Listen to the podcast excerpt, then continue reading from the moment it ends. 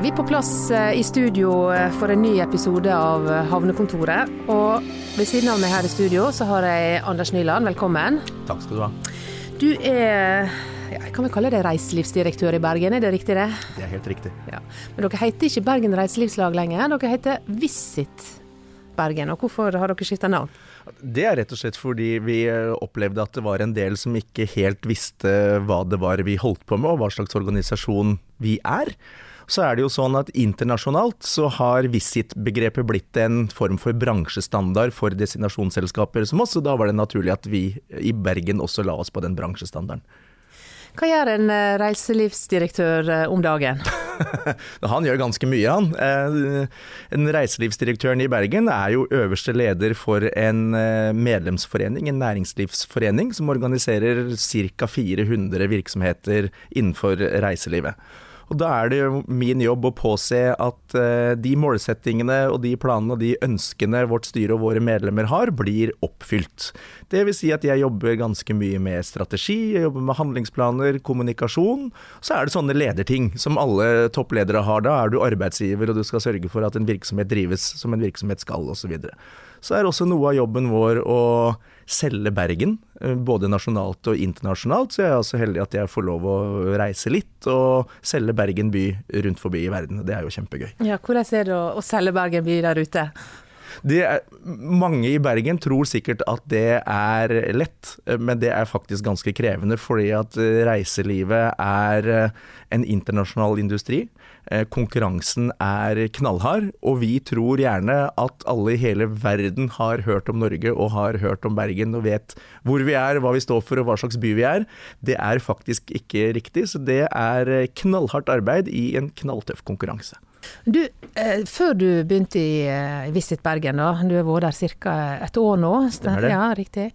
Um, så var du eh, kommunikasjonsrådgiver i Gelmøden Kise, og så har du vært redaktør i BA, og så har du jo jobba som journalist i, i, veldig mange år. Og Hvordan har det vært på en måte dette skiftet, å gå fra å være den som eh, jobber med kommunikasjon og med journalistikk, og så komme over i en helt annen bransje? Det er kjempespennende selvfølgelig å, å lære en helt ny bransje å kjenne. Samtidig så er det ikke så veldig annerledes. Vi jobber jo mye med, med salg og markedsføring, og i dag i vår digitale verden så handler det om historiefortelling.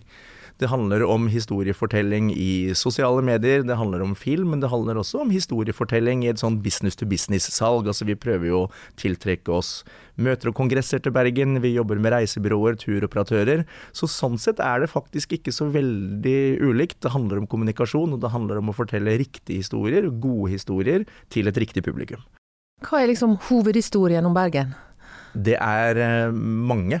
Vi holder på å lage helt nye historier om Bergen, faktisk. Det har jo vært natur som har vært uh, hovedbudskapet. Natur skal fortsatt være viktig. Vi har, jo, vi har, jo, en gudegave rett utenfor vår egen stuedør. Så ser vi på sånne internasjonale målinger at uh, Norge og Bergen er kjent kun for natur. Vi er ikke kjent for noe annet. Vi er ikke kjent for vår historie, vi er ikke kjent for vår kultur, vi er ikke kjent for mat, vi er ikke kjent for uh, å ha en hyggelig, imøtekommende lokalbefolkning. Alt det har vi jo, men vi har aldri snakket om det før i markedssammenheng, så vi skal begynne å snakke om det også. Nå er jo uh turisme i Bergen, det er sånn mange forbinder det med Fløyen og med torget, Ulriken. Um, hva andre plasser i Bergen er det du tenker at uh, vi må få turistene til å, å, komme, og oppdage andre steder av Bergen? Eh, mange. Vi er opptatt av at uh, de som kommer hit skal være her lenge. Det er eh, en utfordring, faktisk. Hvis vi ser på 2018-tall, så så vi at gjennomsnittshotellgjesten i Bergen bodde 1,55 netter på hotell. Det er fryktelig lite. Så det ligger veldig mye lønnsomhet og veldig mye bærekraft i å få dem som allerede er her, til å bli værende lenger. Og da må vi vise alt hva denne byen og denne regionen har å by på, og det er jo mye mer enn, som du sier, Bryggene, Fløyen og Fisketorget og Ulriken. Det som er veldig gledelig i år, er at vi ser en kjempebesøksvekst på museene våre. Vi har jo mange fantastiske museer i uh, denne regionen som uh, vi prøver å hjelpe, og som vi prøver å, å, brande. De gjør en god jobb selv også. I år så melder museene tilbake at de har en formidabel besøksvekst. Det syns jeg er veldig hyggelig. Og så er det mye gründerskap i eh, reiselivet. I regionen utenfor byen vår så er det mange selskaper som driver med naturbaserte aktiviteter. Det kan være sightseeing i fjordene, det kan være kajakkpadling, sånne ting. Det er flott å få med seg, særlig kysten vår. Altså fra Austevoll i sør og helt oppover til eh, Sognefjorden er det spektakulære opplevelser. Det er Du har Gulen, du har Skjerjehavn, du har et eldorado for fritidsdykkere. Det er så mye. Så det er, eh, det er, bare å gå ut og fortelle det og spre det glade budskap. Jeg tenker, eh, Vi kan jo ikke snakke om turisme i Bergen uten å snakke om eh. Um, dette er jo et litt sånn betent tema våre over tid. Det går jo på at en syns det er for mange turister i byen samtidig, og at skipene da forurenser lufta. Så nå har en da innført et, eh, et, såkalt tak på 8000 passasjerer per dag og, og tre skip per dag. Hva, hva, tenker du om det? Jeg syns det vedtaket er særdeles fornuftig. Nå er det jo også sånn at uh, det investeres i et landstrømanlegg. Det er på plass neste år.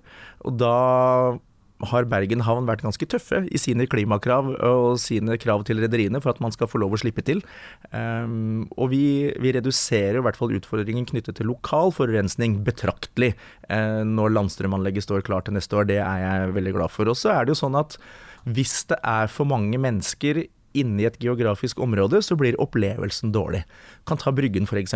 Hvis, hvis det blir for mange der på enkeltdager, så blir ikke opplevelsen noe god verken for oss som bor her eller de som kommer på besøk. Så ingen er jo tjent med at det er for mange cruisepassasjerer på land på en gang. Så det vedtaket bystyret har gjort, det syns jeg er fornuftig. Og så har du jo all den debatten rundt disse bussene da, som går til og fra og står utenfor Fløibanen. og um, hvordan kan vi få dette her til å skli på en bedre måte?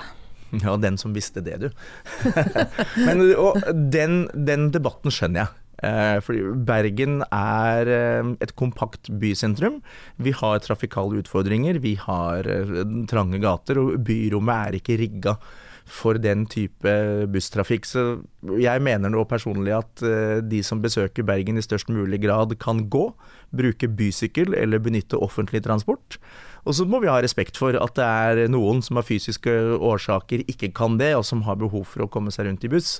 Men vi kunne gjerne sett at den busstrafikken var håndtert på en annen måte, og på en bedre måte, sånn at vi unngår kø, kork og kaos på Vetterlidsallmenningen f.eks. Hvordan blir det til neste sommer? Tror du dette problemet har, har løst seg?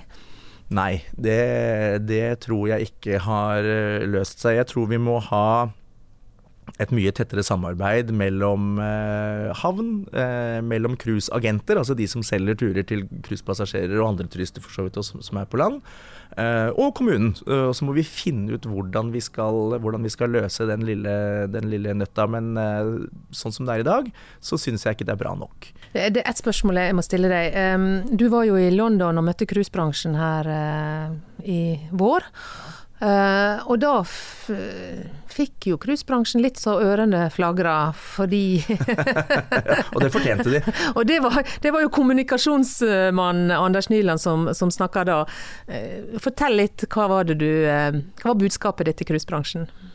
Budskapet mitt til cruisebransjen var at de får all skyld for en del problemer som ikke bare er cruisenæringens skyld. Det er altså sånn at eh, åtte av ti turister i Bergen er ikke cruiseturister. Men likevel, så de gangene vi har utfordringer hvor det kan være litt mye folk i dette indre sentrumsområdet, så er det sånn at cruise får skylda for alt det. Eh, det er kanskje ikke så rart, fordi at skipene er så synlige. Så det, hvis ikke man vet noe annet, så er det lett å tro at alle disse menneskene kommer fra cruise. Mm. Eh, og så har jeg sagt til eh, cruisetoppene globalt på dette møtet i London som du viser til, er at de er fullstendig elendig, udugelige på samfunnskommunikasjon. Cruisenæringen har ikke snakket med samfunnet rundt seg. De har ikke fortalt hvordan de opererer. De har ikke fortalt hva det er som kommer opp av pipa. De har ikke fortalt hva de gjør med gråvann, med avfall osv. osv. Cruisenæringen har ikke skjønt verdien av samfunnskommunikasjon. og De har ikke skjønt at det å drive forretning, enten du driver innenfor reiseliv eller en hvilken som helst annen type forretning, ikke bare handler om businessen din, men det handler også om å fortelle hvordan denne businessen opererer i samfunnet, hvordan denne businessen påvirker samfunnet. Det er sånn 2019 er det året hvor samfunnsansvar for alvor flytter inn i merkevarene, og det skjer globalt. Det har ikke cruisenæringen skjønt godt nok. Derfor så blir de kanskje enda mer, skal vi si, utskjelt eh, enn, det, enn, det, de kunne vært. Mm. Du ser kanskje tegn til at de begynner å ta det litt inn over seg nå?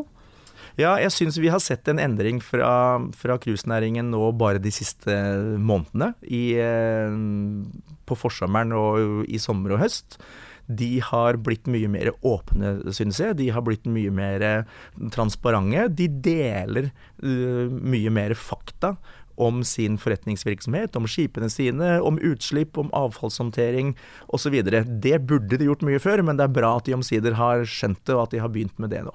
Ja, så det vi kan konkludere med, at uh, cruisebransjen har vært en veldig lukka bransje og ikke vært så flinke til å fortelle hva de eh, jobber med, og hvordan de faktisk løser en del utfordringer. For de har jo gjort masse bra, og de gjør masse bra. Um, så det må jo være da en oppfordring til cruisebransjen nå på tampen her om å bli enda bedre. Absolutt, og de må fortsette åpenhetslinjen sin. Uh, og så er det klart at det er dette er utenlandske selskaper, mye er amerikansk styrt. Og de har nok ikke skjønt at vi i eh, Norge og Skandinavia har en helt annen åpenhetskultur, eh, har en helt annen forventning til transparens enn det man har f.eks. i USA. Det ser det ut som de har skjønt, og det er bra. Det er bra. Tusen takk for at du eh, kom i studio, Anders Nyland. Veldig hyggelig å ha deg her. Takk for at jeg fikk komme. Og takk til lytterne våre. Vi er snart på lufta med nye episoder av Havnekontoret.